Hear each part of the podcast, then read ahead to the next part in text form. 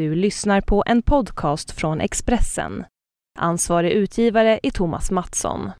Fler poddar hittar du på expressen.se podcast och på iTunes. Ja, Nu kör vi! Kör vi. Ja, ja, nej,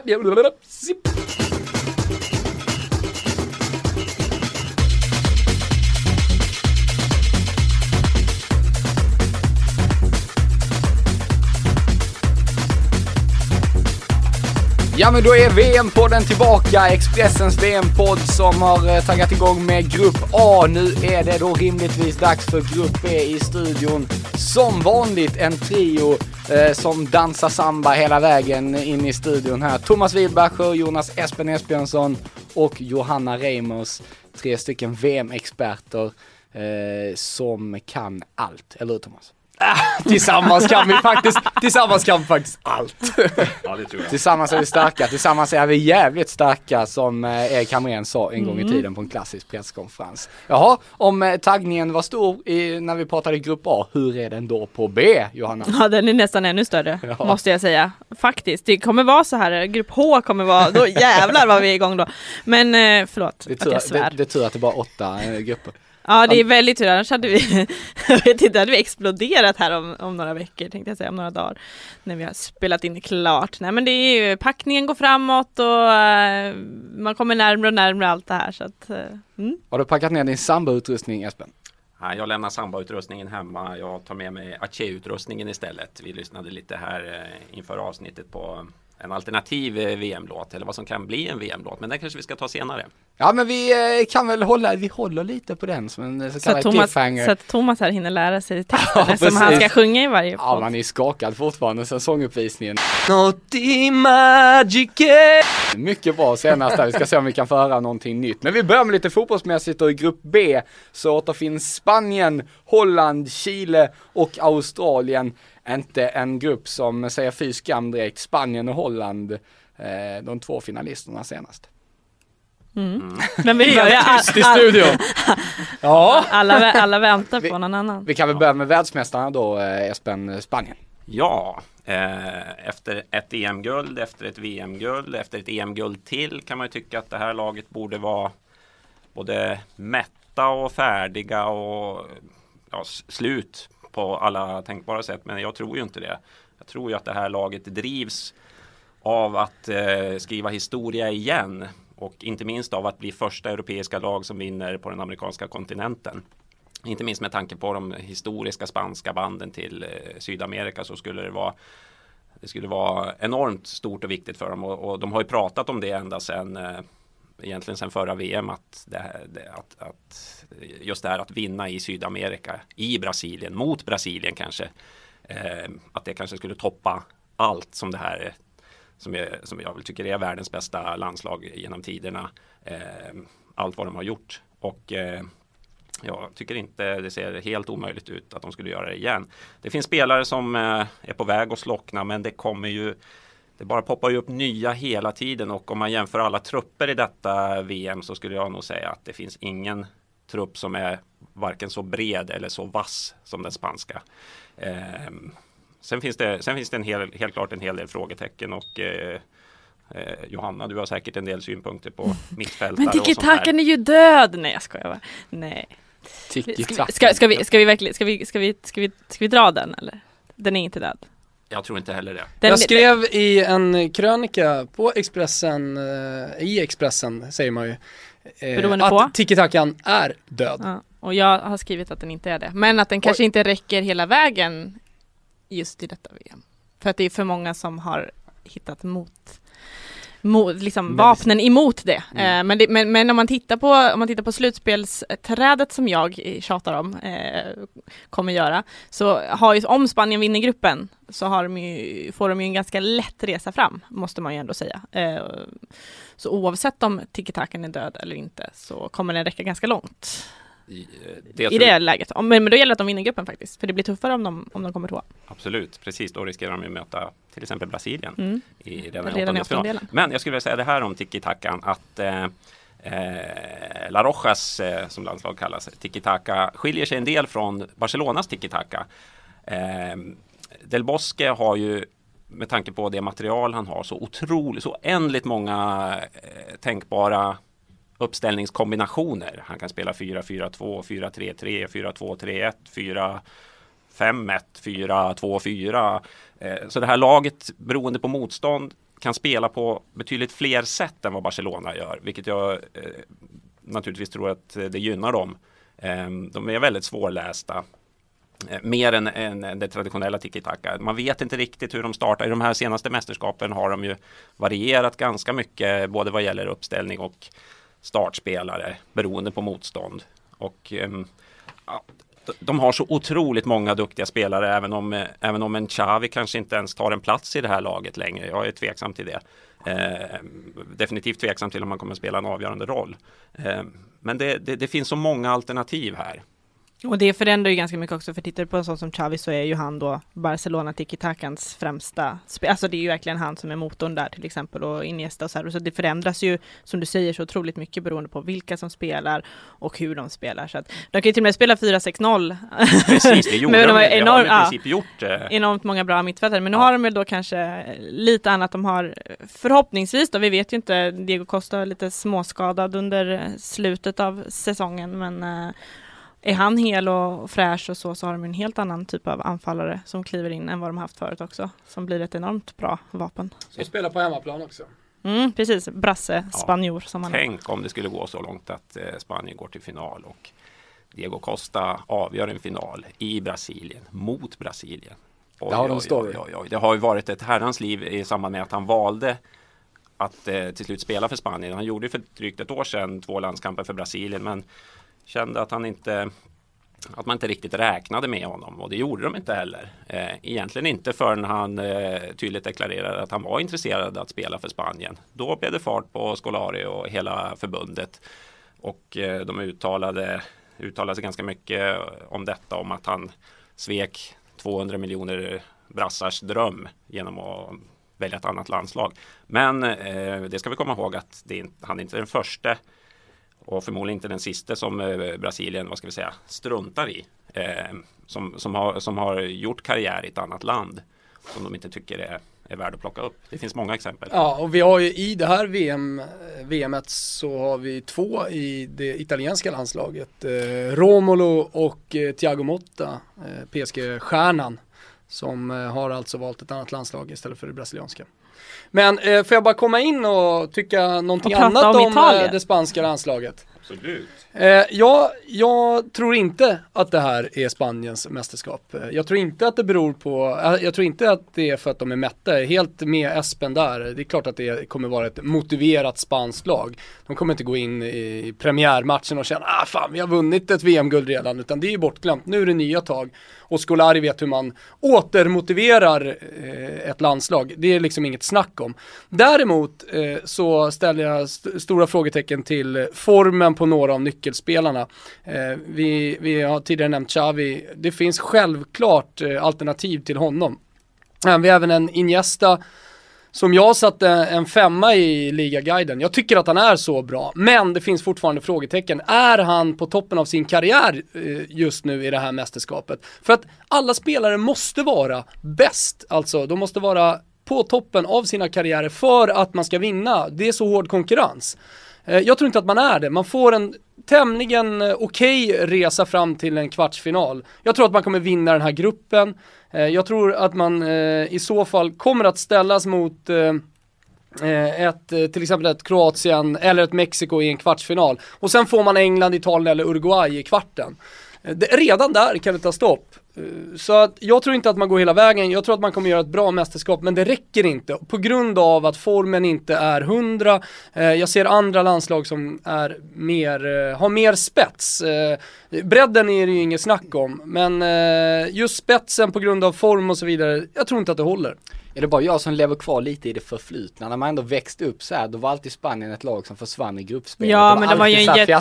Nu det, vet jag att de har gått bra. Men ja, men, så, ja, men det var ju verkligen så innan de vann. Ja, fram till 2008 egentligen. Ja, var det så var det ju verkligen så. Då försvann mm. de jätte, de var ju superbesvikelse jämt. Så att ja. det, det är ju ja, verkligen. Det här snacket om eh, Real Madrid, Barcelona, ja, att, att de, inte kunde spela ihop. Sams, så. det, det, där skulle, intressant att du tar upp det Thomas, eh, och jag tycker det är kul att vi tycker lite olika mm. om Spanien. Men just det där eh, Real vs Barcelona. Mm. Det finns det finns, har funnits vissa tendenser till det i, i, i årets landslag också. Eh, de här eh, tuffa klassikomatcherna under säsongen där bland annat eh, Busquets i Barcelona trampade på Peppes huvud i Real rörde upp en del känslor och det finns, det har, det har pyrt lite grann och jag tror att det kan eh, vara en av anledningarna till att till exempel uh, högerbacken Arbeloa inte ens fick plats i truppen. Um, jag tror inte det var enbart på grund av fotbollsmässiga eh, orsaker utan det, han var väl en av dem som eh, eh, har eldat upp sig mest eh, mot Barcelona-falangen som ju fortfarande är väldigt stor och viktig i den här truppen. Sen tycker jag att eh, det är värt att komma ihåg vad de har, vilken vinnare de har i Ike Casillas. För, för ett år sedan var, trodde man väl att, han, att det nästan var över när Mourinho satte honom på bänken och eh, när Ancelotti i höstas valde att låta honom enbart spela cup och Champions League-matcher tänkte man att det här kan ju inte räcka långt. Men han har ju varit helt fantastisk i de matcher han spelat och har nu på slutet också då fått stå i, i ligan. Men är inte han också en sån spelare som kan samla den här, att han är en sån som kan ena den här, om, om det finns sådana där slitningar också. Han känns som en sån som liksom ställer sig över det och, och är viktig i truppen av den Absolut. anledningen. Absolut, han och Xavi har ju tillsammans mäklat fred ett par gånger och, och jag tror, jag tror han, han, kan nog, de två kan nog ha en stor betydelse för det, vad ska vi säga, icke fotbollsmässiga mm. i den här truppen. Eh, men den som är den som är den största fredsmäklaren eh, alla kategorier tycker jag ändå är Vicente del Bosque. Han, eh, han, är, han är otroligt intressant att höra på och när Mourinho härjade som värst i Real eh, för något år sedan så, så konstaterade jag, jag ställde han sig ju frågan till varför man måste söka polemik hela tiden. Varför är, är det nödvändigt? Och det är precis, han jobbar på ett helt annat sätt i Spanien och ändå är han ju stenhård när det gäller det här när det gäller att ställa spelare åt sidan. Han är ju helt osentimental mm. när det gäller att peta. Till varje nytt mästerskap slänger han ut en handfull och in med en handfull nya. Ehm, men ändå är det ingen som har något ont, ont ord att säga om honom, vilket är otroligt fascinerande. Och svårt med tanke på vad han har vunnit. ja, exakt. Verkligen, verkligen. Så för, att, så för att summera, kommer det bli ett guldjubel alla 2010 eller kommer det bli ett, för att återigen citera Staffan Lindeborg, EM 2004, det är över, det är över för Spanien. Det är slut! Det är över! Det är över för Spanien! Kommer det bli, vilket av det kommer bli Johanna, det här mästerskapet? Jag har haft jättesvårt att bedöma Spanien. Jag har för, på förhand varit ganska kritisk och tyckt, tänkt, känt så här att nej, det kommer inte gå så bra. Men just när man sitter och tittar på att om, om de får, om de vinner gruppen och får ändå en, inte en lätt, men ändå liksom, jag tror att de, jag tror att de kommer växa i så fall med uppgiften. Jag tror att det, även om det då finns eh, frågetecken för form och det finns frågetecken för taktik och det finns frågetecken för allt möjligt så tror jag att liksom, sen sätter mesta takterna in någonstans. Det, det sitter så nära. Eh, det finns i ryggmärgen nu liksom. Att då rullar det nog på. Eh, jag tror mycket möjligt att Spanien kan spela en final. Ehm, och då kanske de möter Holland. Som senast. Eh, de, Holland är nämligen i samma grupp. Ett intressant möte med tanke på allt vad som hände i den där finalen. Kan Holland gå lika långt den här gången? Nej, det tror jag inte. Eh, det holländska landslaget eh, är ungt, det är väldigt talangfullt, men det saknar den, saknar den viktiga erfarenheten för att gå långt i ett mästerskap. Louis van Gaal som är tränare, han eh, har ju redan eh, coachat det holländska landslaget 2002. Då lyckades han inte ens ta dem till mästerskapet. Då åkte de ut redan i kvalet.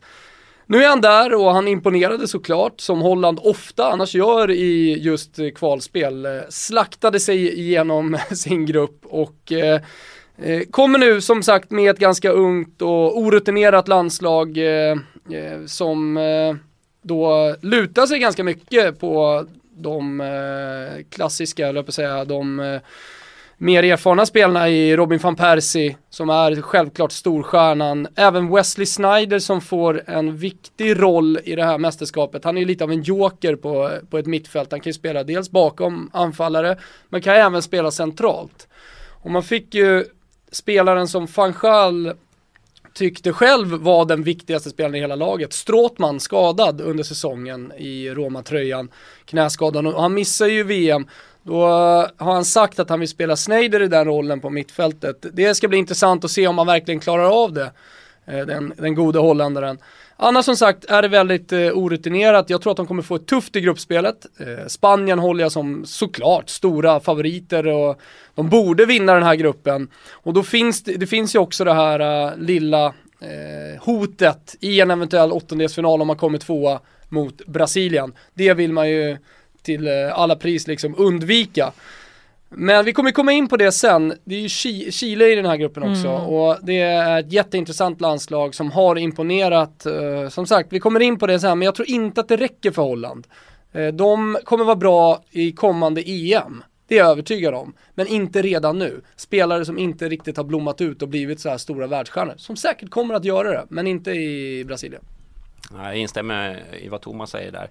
Eh, det jag minns allra mest från Sydafrika och VM-finalen Eh, det skäms man ju nästan för att säga. Jag kommer knappt ihåg Iniestas mål. Det enda jag minns är eh, de Jongs eh, fotsula mm. i bröstet. Men vem är det inte så för? Det är liksom bilden, när man tänker ja. VM-final 2010, då är det den liksom bilden man ja. ser framför Men det, jag tycker att det sa någonting ändå om Holland. Inte att de var ett eh, fult spelande landslag, men det var ändå väldigt mycket kraft och vilja i, i, i just det där och att, att det fanns väldigt mycket den känslan i, i, i det Holland innan van Gaal tog över. Och nu är det som Thomas säger, det, det är så många spelare man har väldigt dålig koll på. Här. Framförallt defensivt känns de väldigt tunna och jag tycker nog att eh, flera spelare som Schneider och van der Vaart i, i den mån han nu kommer att, att vara med känns som ja, de har de har sett sina bästa dagar. Sen kan man naturligtvis aldrig räkna bort en Arjen Robben som har haft en fantastisk säsong i Bayern München och van Persie som ju har fått sin förstörd lite grann på grund av skador. Men det är ju två fantastiska offensiva mm. spelare. Men nej, jag tror inte heller på detta Holland.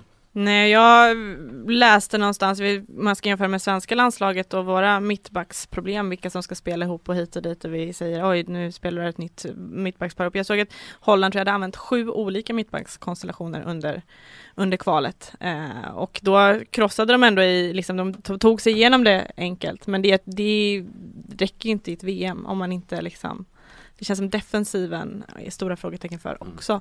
Så att eh, jag håller med här också. Jag har satt Holland som en sån där flopplag som inte tar sig vidare i gruppen. För jag har håller mina, håller hårt på Chile tänkte jag säga. Eller jag tror starkt på Chile här eh, istället. Jag ska säga det var väldigt svårt att ta ut en 23-mannatrupp eh, i VM-guiden, eh, just den holländska. Eh, jag fick hjälp av en super Niklas Erlingmark heter han, tack för all hjälp. Är det, är det Magnus han, son eller stavar Nej det är ju inte det. Ah, okay. Nej, men han stavar Niklas med Z, bara en sån sak gör att man blir misstänksam. Men hur som helst eh, eh, så har vi diskuterat flitigt liksom vilka som skulle komma med i den här truppen och det säger en hel del om laget. Alltså som sagt, det, det är ungt, det är lovande inför framtiden men inte lovande inför VM tycker jag.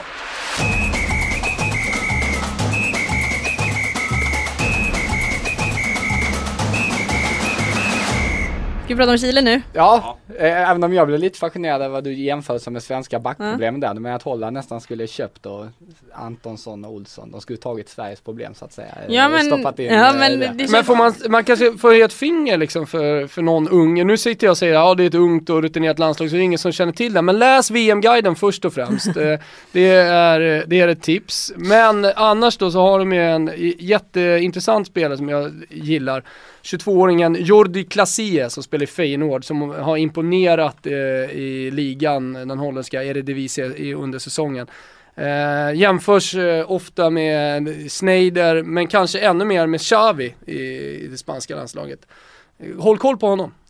Nu har ni varit inne på eh, Chile här, eh, nästan allihopa. Ni vill bara jogga igång för Chile ja, Johanna. Nej, men, du exploderar nästan. Ja, nej men man blev ju faktiskt nästan lite kär i Chile förra VM, eller hur blev man det? Det måste ni hålla med om. Det blev man verkligen. Marcelo Bielsas eh, högintensiva 3-4-3 fotboll med den värsta press eh, man har sett nästan. Som de inte ens la ner liksom i åttondelsfinalen när man stod Nej. mot Brasilien utan man ja. var full fart framåt. Det var ju liksom, det gick ju inte att skärm, inte skärmas av Chile. Nej. Eh, och det som är så häftigt nu är, de har haft ett eh, par struliga mm, år här med flera förbundskaptensbyten, men nu med Jorge Sampaoli så är de tillbaka i, mm. i det här spåret. Han är en, vad ska vi säga, en Marcelo Bielsa light. Ja men verkligen. Eh, så det, jag tror vi kan förvänta oss en liknande fotboll som i, i Sydafrika och nu i vintras när de mötte Tyskland i en träningsmatch förlorade de visserligen men eh, Tyskland fick ju knappt låna bollen. Mm. Nej, det ska bli väldigt, väldigt kul att se, för det som du säger, man tittar på så hade de ett struligt kval också. Det var liksom, jag tror var en oavgjord match och så var det nio segrar och sex förluster. Och typ fyra eller fem av dem kom i rad, men det var precis innan ja, eh, precis. nya förbundskaptenen tog över, så sen har det ju liksom vänt. Eh, så att eh, jag ser jättemycket fram emot att se det här Chile igen, för det känns som att vi kommer få se en liknande typ av fotboll, men kanske lite mer genomtänkt, lite mer, inte bara, för det är, man kan skärma av full fart framåt, men det kommer ju inte hålla mot Brasilien i en åttondel. Eh, förlora med 3-0 gjorde de också dessutom till slut. Och man kan åka hem och hela världen kan tycka att man var bra men det är kanske inte det kanske, man, kan, man, man vill komma längre eh, såklart och jag tror att det här kommer vara ett, ett sånt Chile men, men med lite mer liksom, lite mer tanke bakom vilket kommer mer kanske hjälpa. Ja men lite mer och det, lite mer liksom att, att, att liksom värdera, eh, värdera attackfotbollen om man säger så. Att liksom det kommer finnas en lite mer eh, försvarstanke också, mm, vilket kommer, balansen kommer vara bättre om vi säger så. 2014 är ju liksom ett fotbollsår där vi har vant oss med att se framgångsrika, cyniska lag vinna. Inte minst Atletico de Madrid i Spanien. Men eh, Chile är precis tvärtom, alltså de eh, sätter stenhård och hög press på motståndarna. Vilket då medför att de ofta bryter väldigt högt och kan ställa om snabbt och där har de snabba spelare. De har Ed Vargas som varit framröstad för några år sedan till eh, hela Sydamerika, hela kontinentens bästa unga spelare. Eh, man har eh, självklart Arturo Vidal som fyller på från eh, sin mittfältsposition. Eh, man har Alexis Sanchez, Barcelona-spelaren, som även om Barcelona inte gjorde ett fantastiskt år, tvärtom kanske, så eh, tycker jag i alla fall att Alexis Sanchez imponerade. Han gjorde eh, ja, 10-12 assist, han gjorde väl nästan till 20 mål i ligan. Eh, så det, det är en stor stjärna. Och, men, men även bakom dem så har de väldigt intressanta spelare i Matti Fernandes, eh, Bechur och så vidare. Det, det är ett bra chilenskt landslag. Det är ett chilenskt landslag som sätter hög press och ställer om väldigt snabbt. Men öppnas också ganska mycket bakåt. Så det kan bli en hel del mål när mm. Chile spelar. Mm. Men vi har ju sett om man tittar på, om man, om man tittar mycket på Champions League till exempel, så har vi sett att sån fotboll på senare år har eh, gett goda resultat. Att pressa högt och ligga högt och mm. bryta högt upp i planen och ställa om snabbt. Så har ju det varit en väldigt, väldigt effektiv fotboll fotboll. Så att, sen gäller det ju att inte öppna sig för mycket bakåt, för det gör man ju självklart i det läget också. Eh, men, eh, men det som känns kul är ju att när vi pratade om Chile för fyra år sedan så var det med en överraskning. De var ett ungt lovande lag som man kanske inte trodde så mycket på men som spelade en rolig fotboll och nu har de, många av de spelarna blivit fyra år äldre och är, det, det är verkligen, de har, de har arbetat på sig den erfarenheten vilket gör att jag tror att de har höjt sig ännu en nivå från det de var då. Sen har de ju en svår grupp med Spanien och Holland och så, så att det är möjligt att det inte räcker längre. Men jag tror mycket mer på Chile än vad jag gör på Holland i den här gruppen. Jag instämmer i det. Det enda, man, det enda som man skulle kanske tillägga till vad du sa Thomas eh, mm. är, är väl att beroende på hur det är med Arturo Vidal så kan det påverka lagets slagkraft en del. Vi får, det, men de, han har ju varit, han, han, han opererade i knät i, i maj. Eh, gjorde en eh, artroskopi, men tränaren eh, har ju hela tiden, eh, San Pauli har ju hela tiden varit positiv och sagt att han kommer att spela i premiären. Nu eh, får, kommer vi inte veta det förrän vi får den officiella startelvan som Johanna och Espen kommer att leverera direkt från Brasilien en timme innan matchstart. Eh, men men eh, jag, jag, tror att han kommer spela, jag tror att han kommer vara ja, den viktigaste spelaren för Chile under det här mästerskapet. Jag hoppas verkligen att han spelar också. Det vore synd om vi inte fick se Chile från sin bästa sida. Mm. Nostalgikern i mig kan inte låta bli ändå att sakna Zamorano och eh, Salas. Det där underbara ja. anfallsparet som vi minns. Ja. Eh, korta men de var starka på huvudet. De var ja. bra på allt de här Fantastiska. Riktiga eh, krutpaket. Ja. Ehm, eh, jag reste för många år sedan i, eh, i Chile och ute på Ute på eh, landsbygden så åkte, vi, åkte jag då en gång förbi en mitt, det var ett öppet fält, stort, bara, bara, bara vad ska vi säga, hö och, och ingen bebyggelse och så helt plötsligt fanns där en gigantisk eh, reklamtavla för jag tror det var rakhyvlar med Ivan Zamorano på. Oförglömligt minne. Det skulle, det skulle jag ha köpt direkt. Jag trots som, min dåliga skäggväxt. Jag som upp... Ser bra ut idag. Ja, ja, det, så är det ju. Du kämpar. Ja, ja. Men, äh, Hela tiden. Ja, men jag tänkte bara säga det på tal om liksom att ha favoritnationer och sånt där. Jag är uppvuxen i Botkyrka och i Salem där det bor väldigt mycket chilenare och många chilenska kompisar eh, och har liksom delvis också vuxit upp med att se Copa America med eh, många chilenare grilla chorizo och dricka gato negro. Så jag hoppas ju också väldigt mycket på det här. Eh, en av mina bästa vänner, Simon Tonander, åkte runt i Chile, precis som du gjorde en gång i tiden, och åt bara frukt. Eh, höll på att segla ner ute på den chilenska lands landsbygden. Men då, räddade, men då räddades han av en reklamskylt. Ja, Ja, men ni, hör, ni hör ju mina kopplingar till Chile här, hur starkt jag känner Men, för det här men, men, men överhuvudtaget, det finns ju e- enormt många människor med kopplingar till Chile i Sverige, så det blir, blir det framgångar för Chile, men vi har ju inte Sverige att hålla på, så blir det framgångar för Chile så kan ju hela svenska folket sluta upp bakom. Om man badar i Neptunusfontänen i Madrid så så lär ju de chilens, chilenarna i Stockholm bada i Sergels torgs fontän. Det hoppas vi. Om vi går bananas över Chile så är frågan om vi går lika mycket bananas över Socceroos. Då tar jag givetvis som Australien eh, som börjar ändå bli en hyfsat van VM-nation vid det här laget. Det är tredje raka VM-turneringen och även om det kanske inte finns någon Harry Kewell eller en Mark Viduka eh, så kanske vi ändå ska, eh, nej, ska, det finns ska, en- ska vi höja ett varningsfinger? Det vi finns en Tim. Cahill, det kan Ja, vi väl det. säga. Alltid är det 34 något och det finns en Tom Rogic och det finns en Tommy War och det finns en Matt Ryan i laget.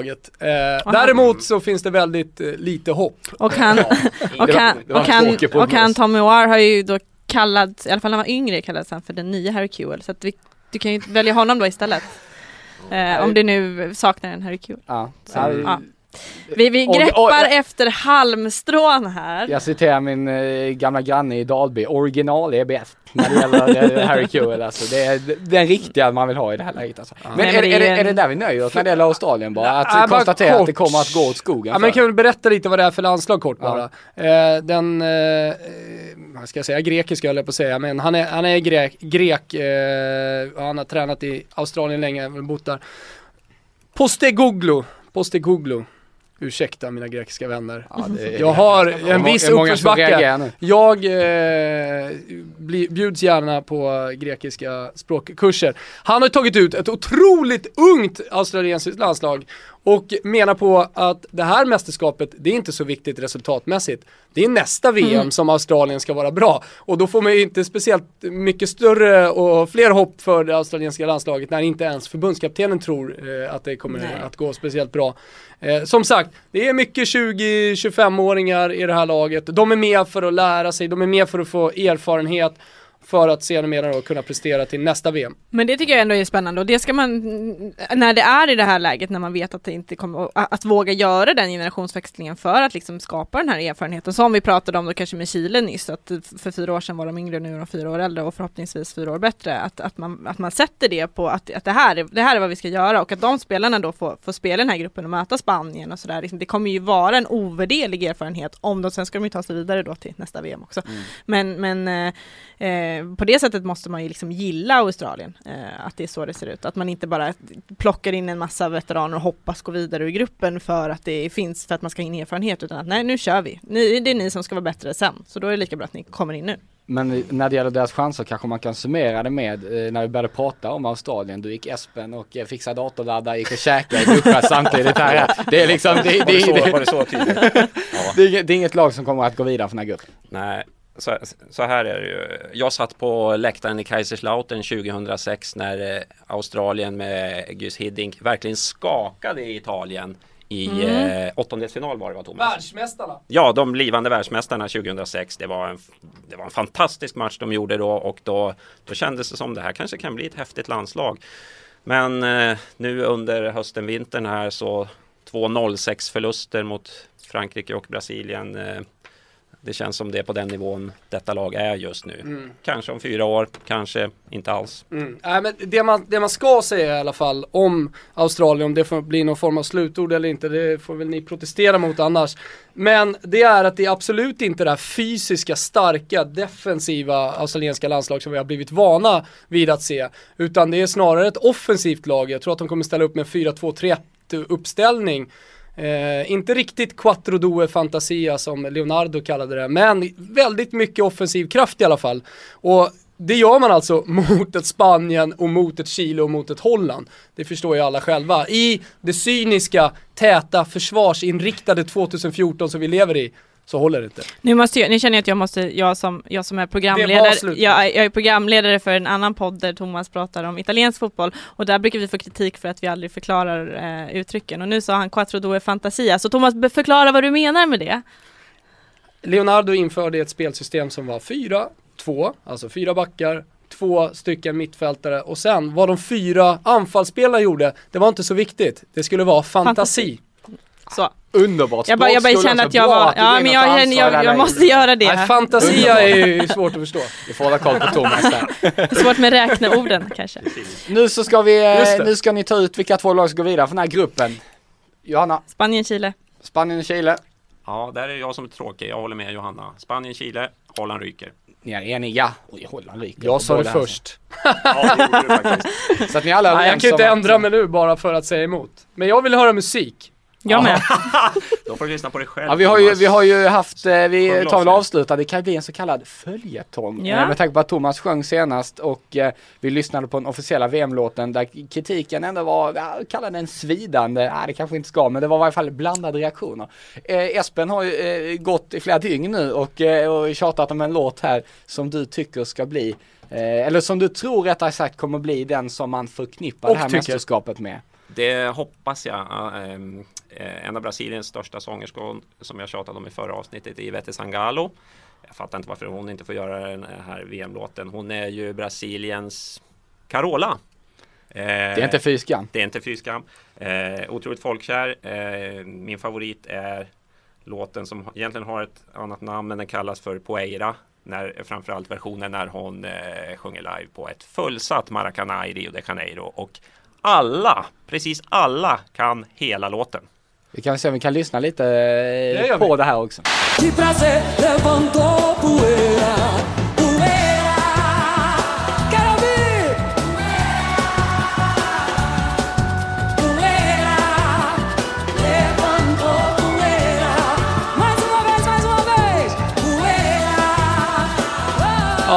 Ser ju, så, ser, ser, du, ser du skillnaden från förra gången? Nu står vi och dansar här faktiskt. Ja men vi gör Ja, ju vi det. Vi står, eh, vi, vi dansar med till musiken här alltså i studion. Det är lite guld. La Det la är la la la la la la la la Ja, det är Brasiliens stämning och jag önskar att du kunde ha bild här också för att det är, ja, det är fram med drinkarna och... Det är eh, lika liksom- hett som på Copacabana. Det känns som man behöver börja kasta av sig kläderna Ja, här. det kan bli stökigt där inne nu alltså. Nej, vi håller ju med dig Espen här, så det här, den här låten känns ju helt underbar. Den här blir underbar. Jag hoppas vi får höra. Det är det här, var det här jag menade med att det måste vara lite mer bombastiskt när man drar igång så här, på läktaren och folk ska komma i stämning. Det här, är ju, det här kommer ju folk stå och dansa till. Ja. Ja men vad härligt. Eh, den låten, vi får väl återkomma med ännu fler alternativ här vad det lider i podden eh, så att vi kan fortsätta sjunga också. Vi vet ju att det kommer bli ett härligt mästerskap det här, det hör man ju bara på en sån här sång. Jaha, då har vi summerat alltså Holland, utslaget, Spanien och Chile går vidare men ni vet ju att experterna har alltid fel. Höll jag på att säga. Så att det jag tror, jag, ni får väl, ni får bestämma själv om ni ska investera i såna här tips. Nåja, Thomas Wilbacher, Jonas Esbjörnsson, Johanna Reimers, vad roligt att prata grupp B med er. Nu så laddar vi för grupp C. Det gör vi. Underbart. Det blir Precis lika kul. Eller inte. Nej, precis. Vi får väl se. Grupp C eh, ska vi prata om i nästa podd. Vi hörs då. Tack för att ni lyssnade.